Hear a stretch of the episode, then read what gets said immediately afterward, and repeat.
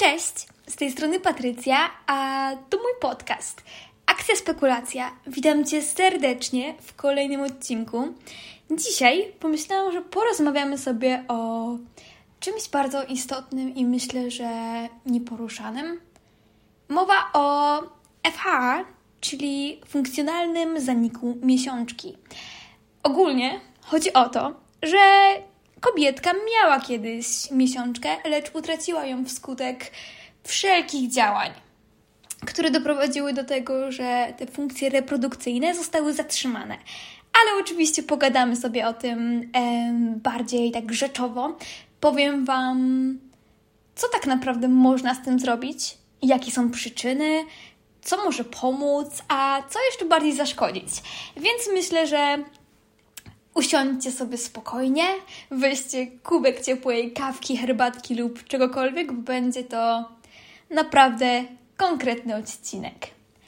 Dobra, też na wstępie powiem troszkę o sobie, bo może ktoś jest tu nowy. Nazywam się Patrycja i prowadzę sobie profil na Instagramie y, patrycja.prochal, na który Cię serdecznie zapraszam.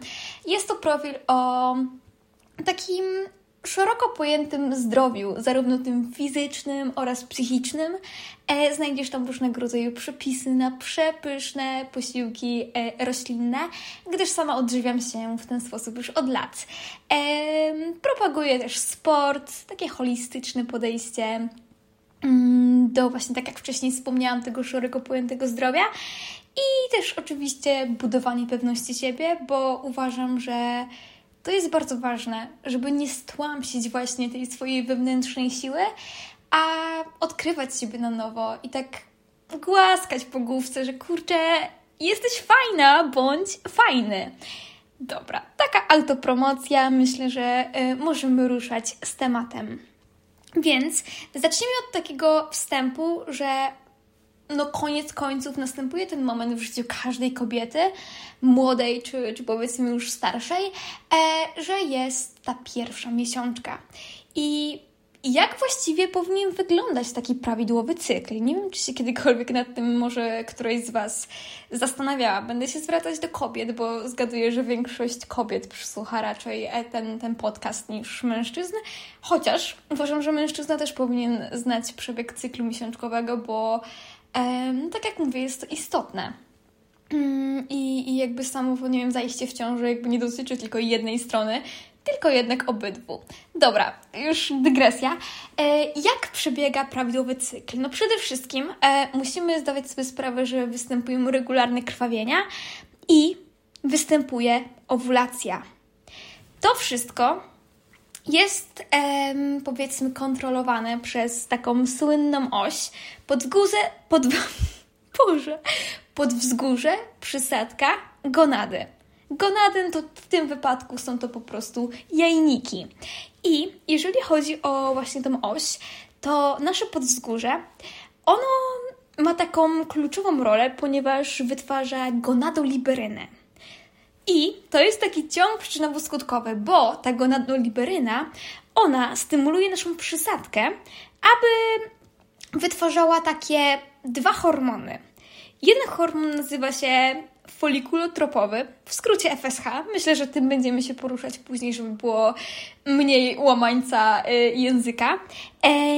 I LH, czyli luteinizujący. Te dwa hormony e, działają sobie na nasze gonady, czyli właśnie w tym przypadku jajniki i stymulują e, nasze jajniki do produkcji estrogenów e, oraz progesteronu. E, mówię estrogenów w liczbie mnogiej, ponieważ później się dowiecie, że na estrogeny jakby składa się jeszcze kilka. Jakby to jest ogólna nazwa całej grupy kilku hormonów. I jak zapewne podejrzewacie, no niewielkie wahania na osi właśnie podzgórze przysetka gonady mogą powodować utajony zanik miesiączki. Dobra, przejdziemy sobie teraz właśnie do owych estrogenów. E, na estrogeny wchodzą trzy hormony: estradiol, estron i estriol. Jest ogólnie grupa hormonów płciowych i co ważne, są to hormony steroidowe, czyli do ich syntezy potrzebne są po prostu steroidy, choćby cholesterol. I Jeśli chodzi o ich syntezę i uwalnianie, no to o to ym, dba nasz układ właśnie pod wzgórze przysadka. I synteza estrogenów jest oczywiście w jajnikach. No i też w niewielkim stopniu, powiedzmy, w łożysku, mózgu, tkance tłuszczowej czy kościach. Można powiedzieć, że queen albo kingiem, takim po prostu tych wszystkich estrogenów, jest estradiol. Dlaczego? Możesz zapytać. Yy, już Ci odpowiadam. On odpowiada za proliferację komórek, błony śluzowej naszej macicy, yy, też za rozbudowę właśnie tej macicy oraz za wzrost jej objętości. On w skrócie tak właśnie przygotowuje właśnie tą macicę do przyjęcia potencjalnego zarodka. Niezależnie, czy to jest powiedzmy w waszym w waszym planie, żeby mieć jakiegoś dzidziusia czy coś, no to jakby organizm sobie tak naprawdę w każdym cyklu myśli, że dobra, to jest ten dzień, to jest ten dzień i musimy się przygotować. Wszystkie ręce na pokład. Więc wygląda to w ten sposób i tak działają nasze estrogeny. Teraz przechodzimy do progesteronu i również jest to steroidowy hormon płciowy, który wytworzony jest przez em, komórki łożyska i tak zwane ciałko żółte. Ogólnie e, progesteron stymuluje wzrost e, pęcherzyków gruczołowych, wpływa na błonę śluzową macicy, ułatwia właśnie przyjęcie tego zapłodnionego jajeczka, no i też znosi działanie estrogenów, które wpływają na mm, gruczoły właśnie szyjki e, macicy. I ma też działanie immunosupresyjne, e, co ma znaczenie przy zapłodnieniu, bo to hamuje szanse na poronienie i po prostu utratę e, ciąży. Myślę, że warto powiedzieć, jak przebiega taki cykl idealny. No to dobra. Jeśli chodzi o czas trwania całego cyklu, jest to od 21 do 35 dni. Wiem, że w podręcznikach się wzięło to jakieś 28, ale to jest taki zaprogramowany chyba cykl, który występuje w naturze stosunkowo rzadko. Więc jeżeli wasz właśnie cykl trwa mniej więcej w takim zakresie, który podałam, myślę, że nie macie czym się martwić. E, jeżeli chodzi o miesiączkę samą, czyli tą menstruację i krwawienie, e, ona trwa od 3 do 5 dni. Myślę, że to maksymalnie 7. Oczywiście jest to mocno indywidualna kwestia, ale no tak jak mówię, nie powinno trwać ani za krótko, ani właśnie za długo. I objętość krwawienia to ponownie jest kwestia indywidualna, ale szacuje się, że to jest takie 30 do 80 ml, że jest po prostu optymalne. No i co? Patologia takiego cyklu miesiączkowego może dotyczyć kilku aspektów. Przede wszystkim czasu trwania właśnie takiego naszego cyklu, um, obfitości tego krwawienia i też czasu krwawienia. No ale to nie są jedyne, powiedzmy, takie aspekty, ale jeżeli coś tutaj się zaczyna dziać, to nam pokazuje, że kurczę, no coś jest nie tak. Jeżeli chodzi też o Pierwszy dzień miesiączki to jest oczywiście pierwszy dzień e, właśnie krwawienia, czyli jakby pierwszy dzień naszego cyklu. Od tego się liczy. No i też mamy fazę folikularną, czyli tak zwaną fa fazę pęcherzykową. W tej fazie wzrasta nam stężenie estrogenów i to powoduje dojrzewanie właśnie tego pęcherzyka grafa i ogólnie odnowę e, śródbłąka. Następnie występuje owulacja. I właśnie kluczem każdego cyklu, który powiedzmy jest taki pełny i faktycznie no, on pokazuje, że nasza kobietka jest zdrowa, występuje ta owulacja, bo wtedy dojrzewa owy pęcherzyk grafa. I później następuje jego pęknięcie i uwolnienie komórki jajowej. Dzieje się to oczywiście pod em, wpływem tego naszego hormonu luteinizującego.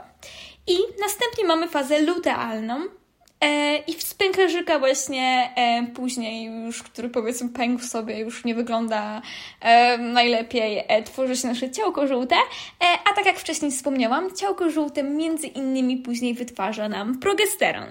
No i komórka jajowa zostaje uwolniona i może być właśnie potencjalnie, e, potencjalnie właśnie zapłodniona przez plemnik, aczkolwiek, no tak jak mówię, komórka, komórka jajowa żyje około 24 godziny, no i jeżeli e, nie zostanie zapłodniona, no to po prostu e, ona obumiera, ponownie ściana macisty się zbłuszcza, no i cykl się zapętla, ponownie mamy menstruację.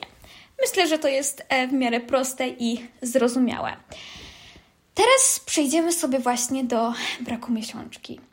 Jeżeli chodzi o brak miesiączki, to możemy właśnie wyróżnić sobie dwa. Jest pierwotny, i pierwotny może być taki, że do 14 roku życia występuje zarówno brak miesiączki, ale też brak takich drugorzędowych czech, czech, cech płciowych. E, I jest też drugi, kiedy do 16 roku życia jest ten brak miesiączki, e, ale widoczne są te drugorzędowe cechy płciowe. I tutaj myślę, że przede wszystkim pierwszym kierunkiem, w sumie w każdym jakby tym zaniku miesiączkowania jest lekarz, bo oczywiście możemy też sami właśnie próbować dietą i taką dietoterapią sobie poradzić, ale ja jestem zwolennikiem jednak tego, że trzeba się oddać w ręce powiedzmy specjalisty. E, I tutaj bym sugerowała udać się do ginekologa oraz do endokrynologa.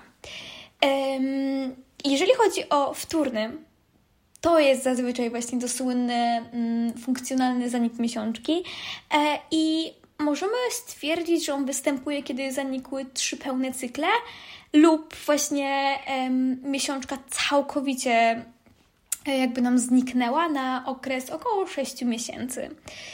Powodów może być naprawdę dużo bo to może być na przykład PCOS, czyli ten policystyczny zespół em, jajników.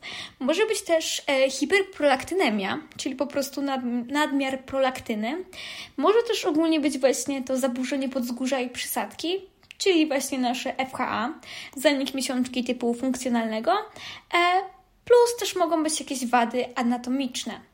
E, związane no, z anatomią, czyli z budową rozrodczych naszych organów. I myślę, że to zawsze warto sprawdzić. Bo akurat może tutaj właśnie być nasz problem, niekoniecznie z hormonami, ale właśnie z tym, że nasza budowa no jest ta, nie taka, jak być powinna. Jeżeli chodzi właśnie o ten funkcjonalny zanik miesiączki typu podzgórzowego, to jest to bardzo częste właśnie u nas w Polsce. I myślę, że mowa o nim, gdy zaburzona jest ta oś podzgórze przyzetka jajniki, no i nie ma wtedy żadnych też wad y, anatomicznych. Wtedy możemy stwierdzić, że kurczę, tu chyba jest problem. I co jest przyczyną? Przyczyną może być choćby niska podaż energii, wysoka aktywność fizyczna i wysoki poziom stresu, a często niestety owe czynniki się na siebie nakładają no bo jak wiemy, są te różnego rodzaju głodówki w głowach młodych czy właśnie starszych kobiet. Właśnie szukanie tego złotego środka, który no w tym wypadku nie jest złotym środkiem, bo to po prostu jest głodzenie swojego organizmu i to często właśnie już przez kilka dni potrafi tak nam zrujnować właśnie to zdrowie hormonalne i skutkować właśnie naprawdę um, strasznymi konsekwencjami. I to właśnie może przyczynić się do tego, że przestanie zostać wydzielana, przestaje, przestaje być wydzielana ta nasza gonadoliberyna, no, która jest jakby no, niezbędna, żeby rozpocząć działanie tej osi e, podzgórze przysadka gonady. Jeśli chodzi o diagnostykę właśnie FH, to przede wszystkim zajmuje się nią lekarz. Lekarz, nikt inny. Możemy podejrzewać, dietetyk może coś tam powiedzieć, ale mimo wszystko sprawdzamy wszystko u lekarza, badamy się. Ale co może na nią tak naprawdę mm, może zwrócić uwagę, żebyśmy byli bardziej świadomi? No to na przykład spadek masy ciała, Um, możemy też zbadać właśnie ten estradiol i prolaktynę. Możemy właśnie oznaczyć um, stężenie hormonów, na przykład LH i FSH właśnie i też TSH, który jest hormonem tarczycy, um, żeby też sprawdzić sobie e, właśnie wpływ na T3 i T4. E, możemy, może TSH jest hormonem, przepraszam, przysadki, a nie tarczycy. E, I możemy właśnie sprawdzić sobie później hormony tarczycy, na które właśnie wpływa TSH, T3 i T4.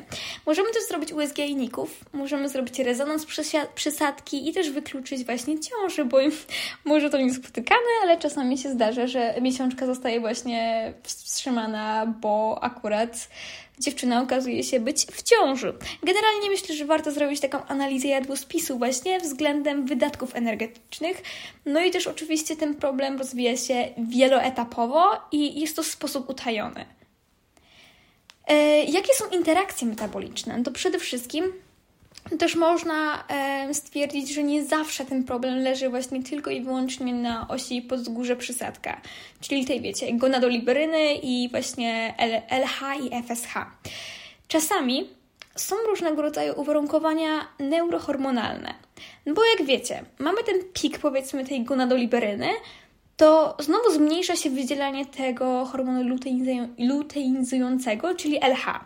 A tak samo spadek właśnie tego piku tej gonadoliberyny wpływa na produkcję e, hormonu folikulotropowego, czyli tego FSH. No i też na przykład, nie wiem, niedobór estradiolu może e, skutkować osteoporozą, zmniejszoną wydolnością, czy choćby pogorszeniem odporności.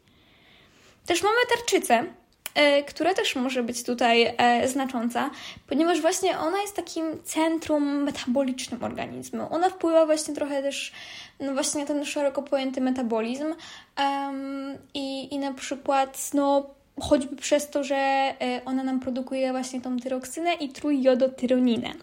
I mamy tą oś podzgórze przysadka tarczyca tym razem.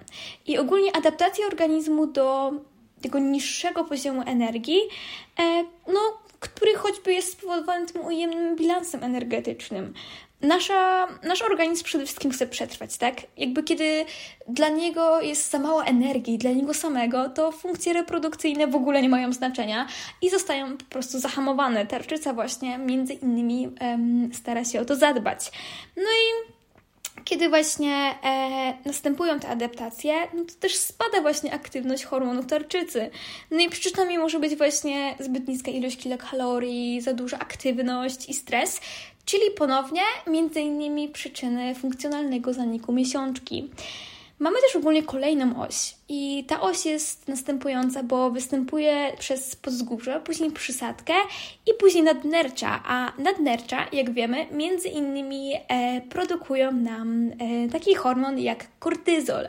Kortyzol jest to właśnie hormon stresu, można tak to powiedzmy e, ująć. I to ponownie może być spowodowane przez niską dostępność energii.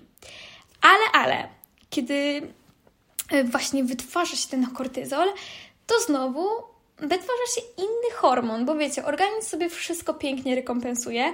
Wydziela się beta-endorfina. Jest to właśnie kompensacja tego negatywnego wpływu stresu.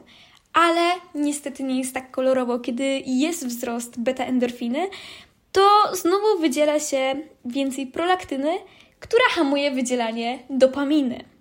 No i też zahamowuje to wydzielanie gonadoliberyny, która właśnie ponownie jakby rozpoczyna naszą tą oś em, podzgórze, przysadka jajniki. E, no i kiedy ta gonadoliberyna nie jest wytwarzana, no to ponownie zaburzenia em, miesiączkowania. Jak widzicie, to się wszystko na siebie nakłada. Tak samo mamy kolejny hormon, tak zwany właśnie mm, hormon, powiedzmy, nazywany anorektycznym. Jest to leptyna. ma ona właśnie wpływ na regulację gospodarki energetycznej. I co jest ciekawe, to utrata tłuszczu właśnie wiąże się z niższym poziomem leptyny, ponieważ leptyna właśnie jakby najwięcej jest jej w tkance tłuszczowej, I jest to właśnie tak, powiedzmy, ten hormon sytości. I produkowana jest ona przez adipocyty, czyli właśnie komórki tkanki tłuszczowej. Jeśli chodzi o to, że ona jest produkowana właśnie przez adipocyty, no to taka informacja trafia ogólnie do podzgórza, że halo, halo, nie mamy rezerw energetycznych. No i taka informacja później właśnie... Mm, też może być na przykład przekazywana przez informacje o odżywieniu przez takie skoki glukozy i insuliny. No ale kiedy pozgórze dostaje właśnie taką informację, że nie mam energii, halo, no to oczywiście co robi? Zahamowuje funkcje reprodukcyjne. I jest to takie właśnie ewolucyjne dostosowanie się do tego, żeby przetrwać, przede wszystkim przetrwać w trudnych warunkach. No i Co warto wspomnieć, wpływ może też mieć choćby grelina i neuropeptyd Y, ale o tym już tam może nie będę wspominać. Generalnie też wa warto wiedzieć, że leptyna podnosi się bardzo powoli. No i pomimo tego, że właśnie, tak jak wiemy, ona jest zlokalizowana w tych adipocytach, to nie rośnie wprost proporcjonalnie do wzrostu naszej tkanki tłuszczowej, w sensie poziomu tkanki tłuszczowej. E, to może trwać o wiele, wiele dłużej. Pomimo tego, że już macie jakiś tam powiedzmy pułap właśnie tej tkanki tłuszczowej i masy ciała, że jest on większy, to niekoniecznie musi oznaczać, że leptyna będzie na wysokim poziomie. Może być ona na bardzo, bardzo niskim poziomie i podnosić się e, stosunkowo mm, nisko. Jeżeli chodzi o FH, no to może mu towarzyszyć też niedoczynność tarczycy. I w takiej klasycznej niedoczynności oczywiście jest bardzo dużo stanów zapalnych, ale można też jakby stwierdzić, że jest bardzo wysoki poziom jego wydzielenia tego TSH, czyli tego e, przysadkowego właśnie hormonu, który stymuluje właśnie tarczycę do wytwarzania T3 i T4, ale podczas właśnie FH, czyli tego funkcjonalnego zaniku miesiączki, to znowu jest dziwna sytuacja, bo jest niskie wydzielanie tego TSH i właśnie jest taka utajona niedoczynność tarczycy. Może być, bo w badaniach wychodzi, że wszystko jest dobrze. Dlatego właśnie wtedy warto e, jednak sprawdzić no, taką szerszą diagnostykę i sprawdzić sobie to właśnie T3 i T4. E, I oczywiście warto wspomnieć, że FHA jest odwracalne, może zdarzą się jakieś przypadki, że nie zawsze, ale mimo wszystko warto zawalczyć, bo, bo właśnie czasami po prostu trwa to długo, ale naprawdę, naprawdę warto, bo no kurczę, to nie jest tylko samo posiadanie dzieci, to jest ogólnie wpływ na cały organizm. Jak widzicie, to może prowadzić do wielu, wielu e, przykrych konsekwencji, dlatego myślę, że zawsze warto mm, spróbować. E, I co myślę, że warto jeszcze dodać właśnie w kontekście powiedzmy na takiej no, już całej metodyki i takiego postępowania zaradczego właśnie w kontekście e, FHA, no to no nie ukrywajmy, trzeba zwiększyć poziom tkanki tłuszczowej.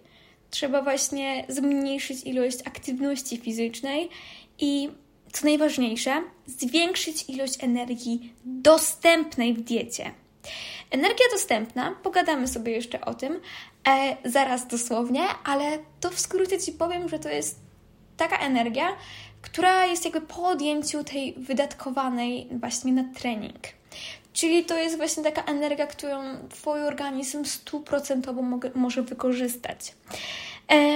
Też właśnie w takim postępowaniu zaradczym myślę, że może pomóc czasami farmakoterapia, oczywiście, ale to już w kontakcie z lekarzem, choćby przez podawanie tych estrogenów, psychoterapia ponieważ jak wiemy, sam e, proces przybierania, no nie ukrywajmy tej masy i tkanki tłuszczowej jest po prostu ciężki dla kobiet, ciężki do zaakceptowania. Jakby sama tam byłam i, i sama wiem, jak to jest. E, dlatego psychoterapia jest moim zdaniem kluczowa. E, no i też jakościowy i ilościowy e, dobór pokarmu, który później może doprowadzić do tej homeostazy. Jeśli chodzi o planowanie żywienia właśnie w funkcjonalnym zaniku miesiączki, no to tak jak wcześniej wspomniałam, kluczowa jest energia dostępna. Taki wzór na energię dostępną jest to właśnie takie spożycie energii w kilokaloriach na dzień i odejmujemy od tego treningowe wydatki energetyczne również na dzień. I to jest podzielone przez beztłuszczową masę ciała i w kilogramach, wtedy mamy tą naszą ilość energii dostępnej, no i to jest po prostu po odjęciu wydatków energetycznych.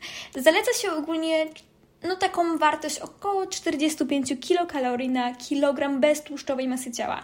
Beztłuszczowa masa ciała to nie są tylko mięśnie. Jakby mięśnie są składową beztłuszczowej masy ciała, ale ogólnie na beztłuszczową masę ciała wchodzi, wchodzi może w jej skład e, wchodzi e, choćby zawartość wody, e, zawartość właśnie mięśni i masy kostnej. E, więc tutaj nie ma po prostu tylko wliczanej tej tkanki tłuszczowej. No i ogólnie, mm, no, ten procent tkanki tłuszczowej e, im jest większy, tym to jest bardziej korzystne, e, ponieważ właśnie w obrębie adipocytów androgeny właśnie no, przekształcają się w ten nasz e, słynny estradiol, który, tak jak wspomniałam, jest takim królem w kontekście przygotowania naszej macicy. E, I mam takie fajne, ciekawe badanie, E, które było przeprowadzone wśród e, kobiet ćwiczących. E, jest to właśnie badanie Refuel i było ono zarówno randomizowane i właśnie kontrolowane. Założenia były takie, że przez 12 miesięcy 76 e, kobiet z zaburzeniami miesiączkowania e, spożywało oczywiście więcej energii niż przed e, badaniem. No i oczywiście losowo też podzielono je na grupę i, no i zwiększono jakąś tam ilość właśnie dostarczonej energii. W tych grupach było losowo i około od 20 do 40%, różnie właśnie w zależności od grupy. No i później była analiza tych podgrup. Ogólnie 22 uczestniczki zostały wykluczone, bo też miały niestety jednoznaczny cykl menstruacyjny, plus też był niewystarczający czas na interwencję dla klasyfikacji właśnie powrotu miesiączki, no i nie mogły jakby być brane pod uwagę e, we wnioskach. Ale 64% e, właśnie grupy to większe spożycie właśnie energii ukazało poprawę funkcji menstruacyjnych i właśnie w porównaniu z tylko 19% w grupie kontrolnej. No i wnioski ogólnie były takie, że tylko no, około 330 plus minus 65 kilokalorii na, na, jakby na dzień więcej było wystarczające do wywołania miesiączki. Oczywiście przez ten okres 12 miesięcy. I e, wzrost masy ciała był tylko o 4,9% tak średnio u tych wszystkich kobiet, tłuszczu o 13%, a e, wzrost właśnie wydzielania e, wzrósł aż o 16%. Więc myślę, że to są fajne właśnie wartości i warto właśnie no, spojrzeć na to, że kurczę, w rok jakby te kobiety wcale nie zalały się tłuszczem i nagle przybrały nie, wiem, nie wiadomo ilu kilogramów. Tak, przybrały na wadze, bo ta dostępność energii była po prostu większa, ale uzyskały właśnie powrót tej miesiączki e, i też, tak jak mówię, wcale ten przyrost nie był taki ogromny.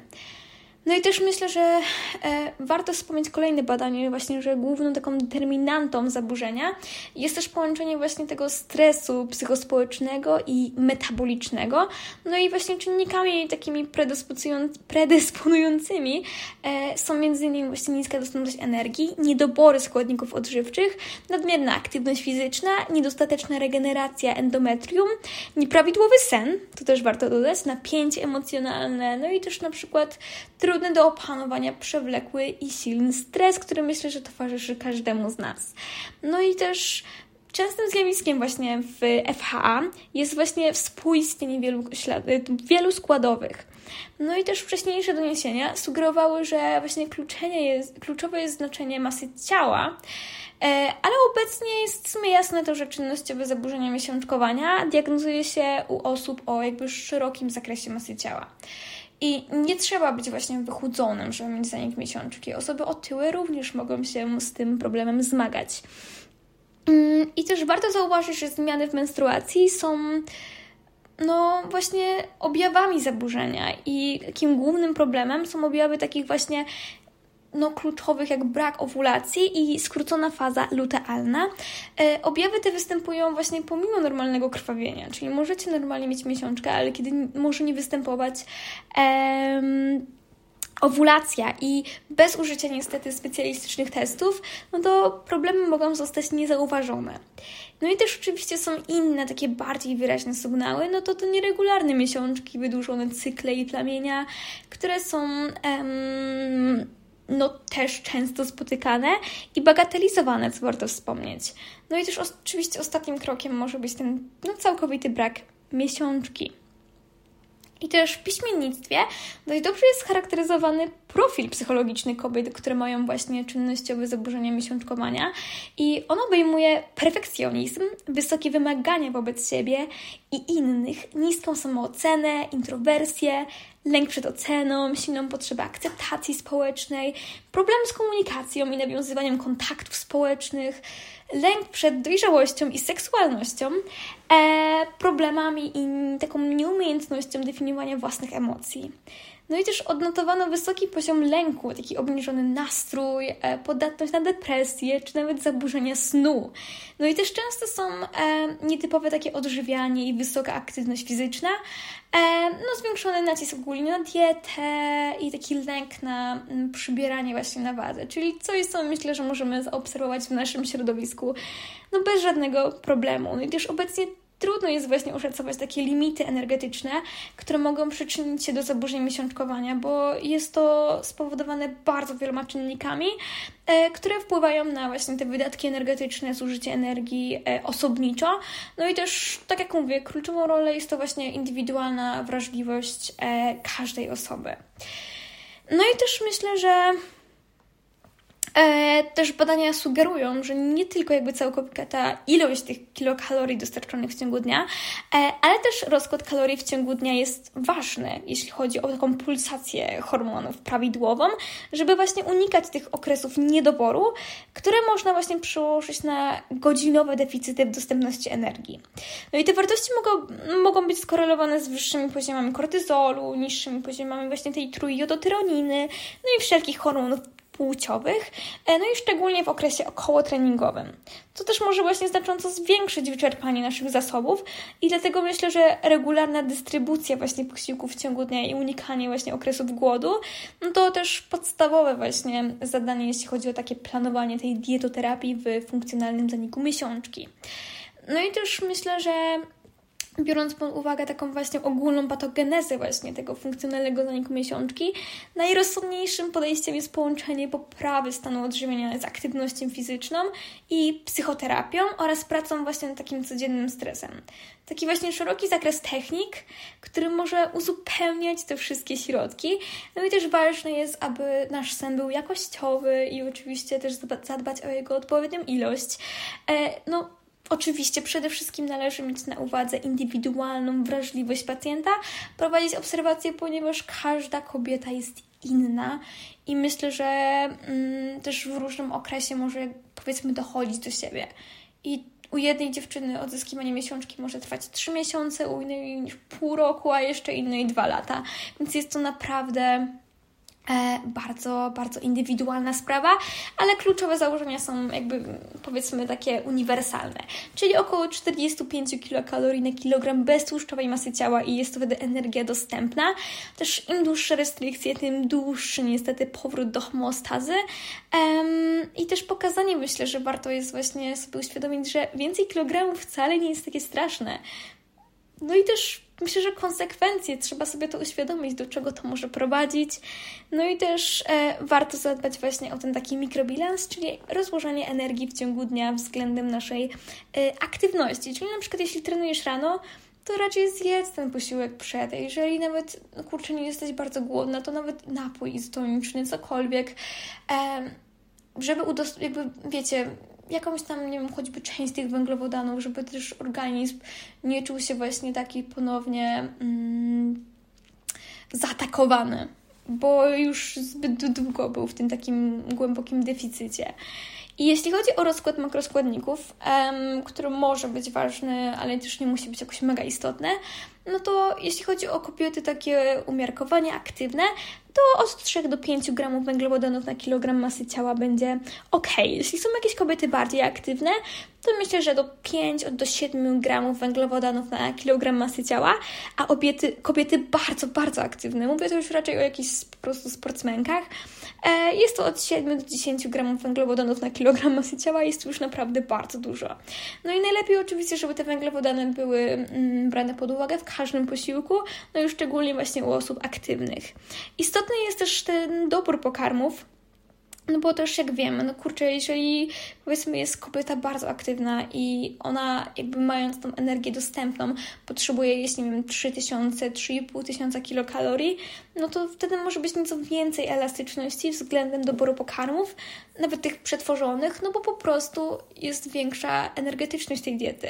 E, a jeżeli chodzi o mniejszą aktywność, no to myślę, że warto się przede wszystkim skupić na tych witaminach, na nisko przetworzonej żywności i takim generalnym odżywieniu organizmu, bo no myślę, że takie 2000 kilokalorii jest takie powiedzmy, albo 2,5 jest takie jakby optymalne, że wtedy faktycznie nie trzeba jeść jakoś bardzo wysoko przetworzonej żywności, tylko na tej nisko przetworzonej można naprawdę dostarczyć sobie fajne, super smaczne posiłki e, i odżywić nasz organizm.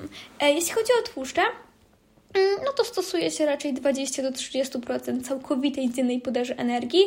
E, też może być w każdym posiłku. E, kobiety aktywne, czy powiedzmy takie, które trenują, nie wiem, mają 10-12 e, jednostek treningowych tygodniowo, no to raczej ten niższy pułap 20%, a 25% albo 30% właśnie tej dziennej podaży energii, no to kobiety właśnie myślę, że o umiarkowanej aktywności fizycznej, no i plus mniej aktywne. Ograniczamy właśnie te działanie mm, nasyconych kwasów tłuszczowych, e, ponieważ mają one działanie właśnie aterogenne oraz takie prozapalne. Nie trzeba ich jednak całkowicie eliminować, no ale jak wiemy, no to właśnie no, u kobiet z FHA jest niższy już ten poziom właśnie e, wolnej trójjodotyroniny. No i wtedy właśnie wzrasta poziom tej lipoproteiny, tej tak zwanej złej LDL, no bo cholesterol przenika właśnie z wątroby do ustroju, no i to może właśnie wpływać negatywnie jeszcze na receptor właśnie tej trójjodotyroniny, dlatego lepiej je ograniczać. Tak jak mówię, nie trzeba całkowicie właśnie eliminować, ale jeżeli można korzystać właśnie na przykład z tłuszczów e, wielonienasyconych, no to lepiej właśnie e, z nich korzystać. E, warto właśnie zadbać o, tak jak wcześniej wspomniałam, te wielonienasycone kwasy tłuszczowe, szczególnie właśnie kwas alfa-inolenowy, na który składa się również kwas EPA i DHA, czyli omega-3. E, jeśli chodzi właśnie o EPA i DHA, no to sugeruje się od 500 do 1500 mg na dzień. Jeżeli chodzi ogólnie o omega-3, czyli ten ALA, no to jest to około 0,5% dobowej podaży energii, a kwas omega-6 4 do 8% dobowej podaży energii. E, I jeśli chodzi też o jedno nienasycone kwasy tłuszczowe, to one też są spoko choćby do smażenia. Mowa tutaj o oliwie z oliwek albo o oleju y, rzepakowym. E, teraz myślę, że warto poruszyć ciekawy temat pory jakby spożycia posiłku, bo to też jest często właśnie w dietetyce sporne. No i oczywiście to jest logiczne. Im jakby wyższa kaloryczność diety, no to tym więcej tych posiłków, no bo ciężej jest nam spożyć tak jak mówię, no choćby mamy tą dietę 3000 kilokalorii, tak, no spożyć to w dwóch, trzech posiłkach, no to lekka kraksa. A jeżeli spożyjemy to właśnie w czterech, pięciu lub nawet sześciu, no to wiadomo, że będzie to mm, bardziej konkretne. Jeżeli jakaś kobieta ma, nie wiem, 2200, 2300, 2400, to myślę, że takie cztery posiłki są jak najbardziej optymalne. Sama najczęściej jem w ten sposób właśnie, bo, bo właśnie no jest to po prostu wygodne. I mm, też są przesłanki, że spożywanie właśnie posiłków o podobnych porach każdego dnia sprzyja właśnie mniejszej pobudliwości tej osi pozgórze przysadka, no która tak czy siak jest nadmiernie pobudzona. No i dlatego myślę, że też warto właśnie dbać o to, żeby mniej więcej dostarczyć sobie regularnych porach właśnie te posiłki, bo tak jak mówię, no tutaj jednak ma to znaczenie, tak, że organizm nie może, że nie, nie jesz cały dzień, a na wieczór się obiadasz, tylko on musi mieć taką takie zapewnienie, że ten pokarm jest, że o każdej porze, o której on tylko zachce, że ten pokarm jest dostępny. Dlatego tutaj myślę, że warto jest o to naprawdę zadbać. No i też myślę, że warto sobie wprowadzić takie nawyki, jak choćby, nie wiem, śniadanie jeden albo dwie godziny po obudzeniu, no i też kolację 2-3 godziny przed snem bo jednak warto zadbać też choćby też o naszą perystaltykę jelit dać odpocząć naszym, naszym właśnie jelitom, bo jest też tak zwany elektryczny kompleks, który działa właśnie tylko w momencie, kiedy jakby ten pasaż jelitowy jest po prostu zwolniony, kiedy nie, tra- nie jakby organizm nie zajmuje się trawieniem, e, no i to wpływa na choćby na transport jelit, w, e, bakterii w obrębie naszych jelit, dlatego warto po prostu mieć mimo wszystko w nocy tą przerwę, żeby organizm nie trawił cały czas e, tego pokarmu. E, dobra, też myślę, że warto poruszyć też ogólnie takie składniki mineralne oraz no, które wpływają na to odżywienie naszego organizmu. Ogólnie u kobiet, jakby jak zapewne podejrzewacie, problematyczne może być żelazo. Żelazo w ogóle warto sobie sprawdzić, ale to jest trochę takie dosyć powiedzmy ciekawe, bo no trzeba to pod jakby różnymi kątami jakby zobaczyć. Bo to może być albo morfologia krwi obwodowej, mogą być też wskaźniki stanu zapalnego, poziom ferrytyny oraz wysycenie transferyny. No i ogólnie analiza właśnie tych em, czynników wpływa na no, takie określenie tego odżywiania organizmu, takie rzetelne naprawdę. No i myślę, że szczególnie warto właśnie no, osoby na diecie roślinnej, żeby sobie zbadały to, to żelazo, e, no i też aktywne fizycznie. Mm, bo żelazo jest naprawdę do procesów krwiotwórczych no, niezbędne. Też warto zadbać o witaminę D3, bo wpływa ona nie tylko na tą naszą gospodarkę wapniowo-fosforanową, e, a jak wiemy, no i tak już mamy właśnie ten hipoestrogenizm, który może przyczynić się do osteoporozy, ale też niedobory D3 właśnie wpływają na wydzielenie hepcydyny, która znowu też wpływa na, zaburza, jakby na zaburzone wchłanianie żelaza z przewodu pokarmowego, dlatego jak widzicie to wszystko się zapętla. Też warto właśnie wspomnieć o witaminie E, bo właśnie może jej niedobór jest stosunkowo rzadki, ale może o tym wspomnę, że też wpływa właśnie na hemolizę, no i ponownie wpływa na gospodarkę żelaza, który jest niezwykle cenny, jeśli chodzi o cykl menstruacyjny. No i źródłami właśnie e, tego nasz, tej naszej witaminy E mogą być orzechy albo oleje roślinne, no i tutaj potrzebujemy no, zaledwie 30-40 gramów migdałów i to już może pokryć 100% zapotrzebowania. Także jak widzicie, żaden problem. Mamy też magnez e, i magnez zmniejsza właśnie wpływ pewnych bodźców stresowych, wpływa na pracę mięśni, no i też uczestniczy właśnie pośrednio w metabolizmie witaminy D. Źródłami tego właśnie naszego magnezu e, są choćby pełnoziarniste zboża, szczególnie nasza kasza gryczana. Ona właśnie ma bardzo dużo żelaza. Warzywa zielone, e, wody właśnie wysoko zmineralizowane, właśnie mineralne, i też orzechy, na przykład migdały. Więc jeżeli właśnie też dbamy o ten jakościowy dobór pokarmów, to myślę, że nie mamy co martwić się właśnie o te e, składniki. No i dobra, myślę, że też warto właśnie wspomnieć o takich pomocnych suplementach, czyli ogólnie, gdy nie jesteś w stanie dostarczyć takiego makroskładnika czy mikroelementu z konwencjonalnej żywności, bo jednak jestem fanką, żeby dostarczać większość wszystkiego, co potrzebujemy z diety, ale jeżeli się nie da, no to warto się wtedy wspomóc. No jeśli chodzi o bardzo aktywne kobiety, no to myślę, że jeśli mowa o uzupełnieniu tych, nie wiem, węglowodanów, no to może to być choćby w formie napojów izotonicznych, napojów hipertonicznych, żeli i batonów właśnie energetycznych. No i na przykład w trakcie treningu około właśnie 30 do 60 gramów węglowodanów na każde 60-90 minut aktywności fizycznej. Um, no i też jest opcja 90 do 120 gramów węglowodanów przy bardzo jakby wysokich aktywnościach, e, ale to niestety wymaga uprzednio takiej strategii em, treningu jelita, dlatego nie jest to jakaś taka łatwa sprawa i, i, to jest już naprawdę u osób, które są bardzo, bardzo aktywne fizycznie. No i żywienie ma szczególne znaczenie, no bo gdy podczas spożycia właśnie wysiłku to spożycie energii jest niskie, no a średnia dzienna ilość kilokalorii jest taka, no okej, okay, no bo to jednak, no zaburza właśnie to funkcjonowanie osi przysadka e, pod wzgórze. Więc warto właśnie zadbać o to żywienie też szczególnie właśnie w okresie tym treningowym. Tak jak wspomniałam, jeżeli no, dbamy o tą jakościową właśnie mm, część naszej diety, no to nie ma mowy o niedoborach magnezu, ale jeżeli się powiedzmy przydarzą, zwłaszcza właśnie u osób aktywnych fizycznie, no to suplementacja właśnie od 100 do 300 mg na dzień. E, I jest to wtedy na przykład w formie właśnie cytrynianu albo tlenku, tylko że warto wspomnieć, że te formy właśnie naszego magnezu mogą powodować e, w nadmiarze choćby wzdęcia. Mm, oczywiście witaminę D3 E, ze względu na nasze położenie, powiedzmy, geograficzne. No i też to, że ta ekspozycja na e, słońce jest e, ograniczona, jeśli chodzi zwłaszcza o e, okres jesienno-zimowy.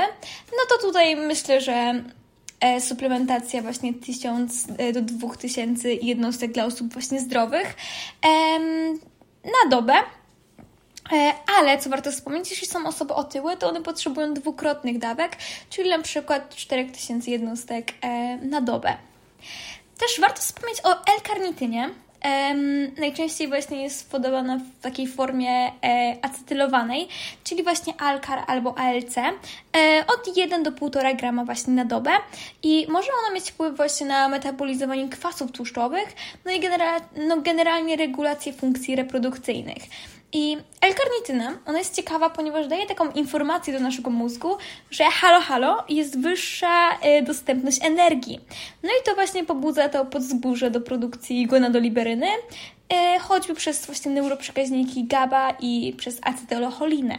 No i kiedy nasza gonadoliberyna właśnie jest y, wytwarzana, no to, pobudza naszą przysadkę do pobudzania, no, czy do wytworzenia FSH i LH, no i znowu to pobudza nasze jajniki i może skutkować właśnie um, przywrócenie tej osi pod wzgórze przysadka e, jajniki, ale tak jak mówię, jest to dodatek zaledwie, który może wspomóc, e, ale jakby nie, nie załatwi problemu. E, też powiedzmy, są różnego rodzaju domniemania, bo mamy pewne właśnie wybrane preparaty ziołowe, które no, przez to, że powiedzmy są to na spekulacje, domniemania, bo jest za mało prac naukowych, e, ale które mają mm, na celu redukcję stresu, no ale też, tak jak wspominam, dużo nie wiemy. Jest to m.in. ashwaganda, którą można zażywać 500-1000 mg właśnie na dzień, albo różaniec górski, również dawka 200 do 400 mg na y, dzień. No i one mogą właśnie też na przykład wpłynąć na obniżenie właśnie tego stresu i wtedy ten jeden z czynników powiedzmy już jest powiedzmy usunięty i może to sprzyjać szybszemu powrotowi do zdrowia. No i też ogólnie wydłużenie długości snu, przez jakieś preparaty też może pomóc, na przykład przez melatoninę, e, ale przede wszystkim najważniejsza jest konsekwencja w działaniach, żeby właśnie osiągnąć te cele, czyli musimy długoterminowo właśnie, tak jak widzicie, w tym badaniu zajęło to 12 miesięcy, aby um, odzyskać tę miesiączkę. Dlatego właśnie tutaj ważne jest to, żeby się nie poddawać i będą gorsze momenty, bo będą, ale cały czas walczyć, dostarczyć właśnie tą ilość energii i w końcu uzyskać to krwawienie, tą, tą wymarzoną miesiączkę, która no jest po prostu e, takim, może powiedzieć, symbolem właśnie tego, że kobieta jest w pełni zdrowa, e, kiedy właśnie występuje ta e, owulacja. No i też nie towarzyszą temu żadnemu ból, żadne bóle. Dobra, myślę, że to tyle. Tak chciałam właśnie Wam w skrócie powiedzieć e, takiej teorii o tym, jak można e, no, przeprowadzić taką dietoterapię. Oczywiście sugeruję Wam przede wszystkim pójście do lekarza, bo to jest najważniejsze i właśnie jakby razem działając z lekarzem zadbać właśnie o tą energię dostępną, o takie wszelkie właśnie około żywieniowe aspekty życia właśnie, choćby na redukcja stresu, aktywności fizycznej, no zadbanie właśnie o siebie, o pielęgnację, wszystko, żeby po prostu ten organizm poczuł się zaopiekowany. To chyba tyle na dziś.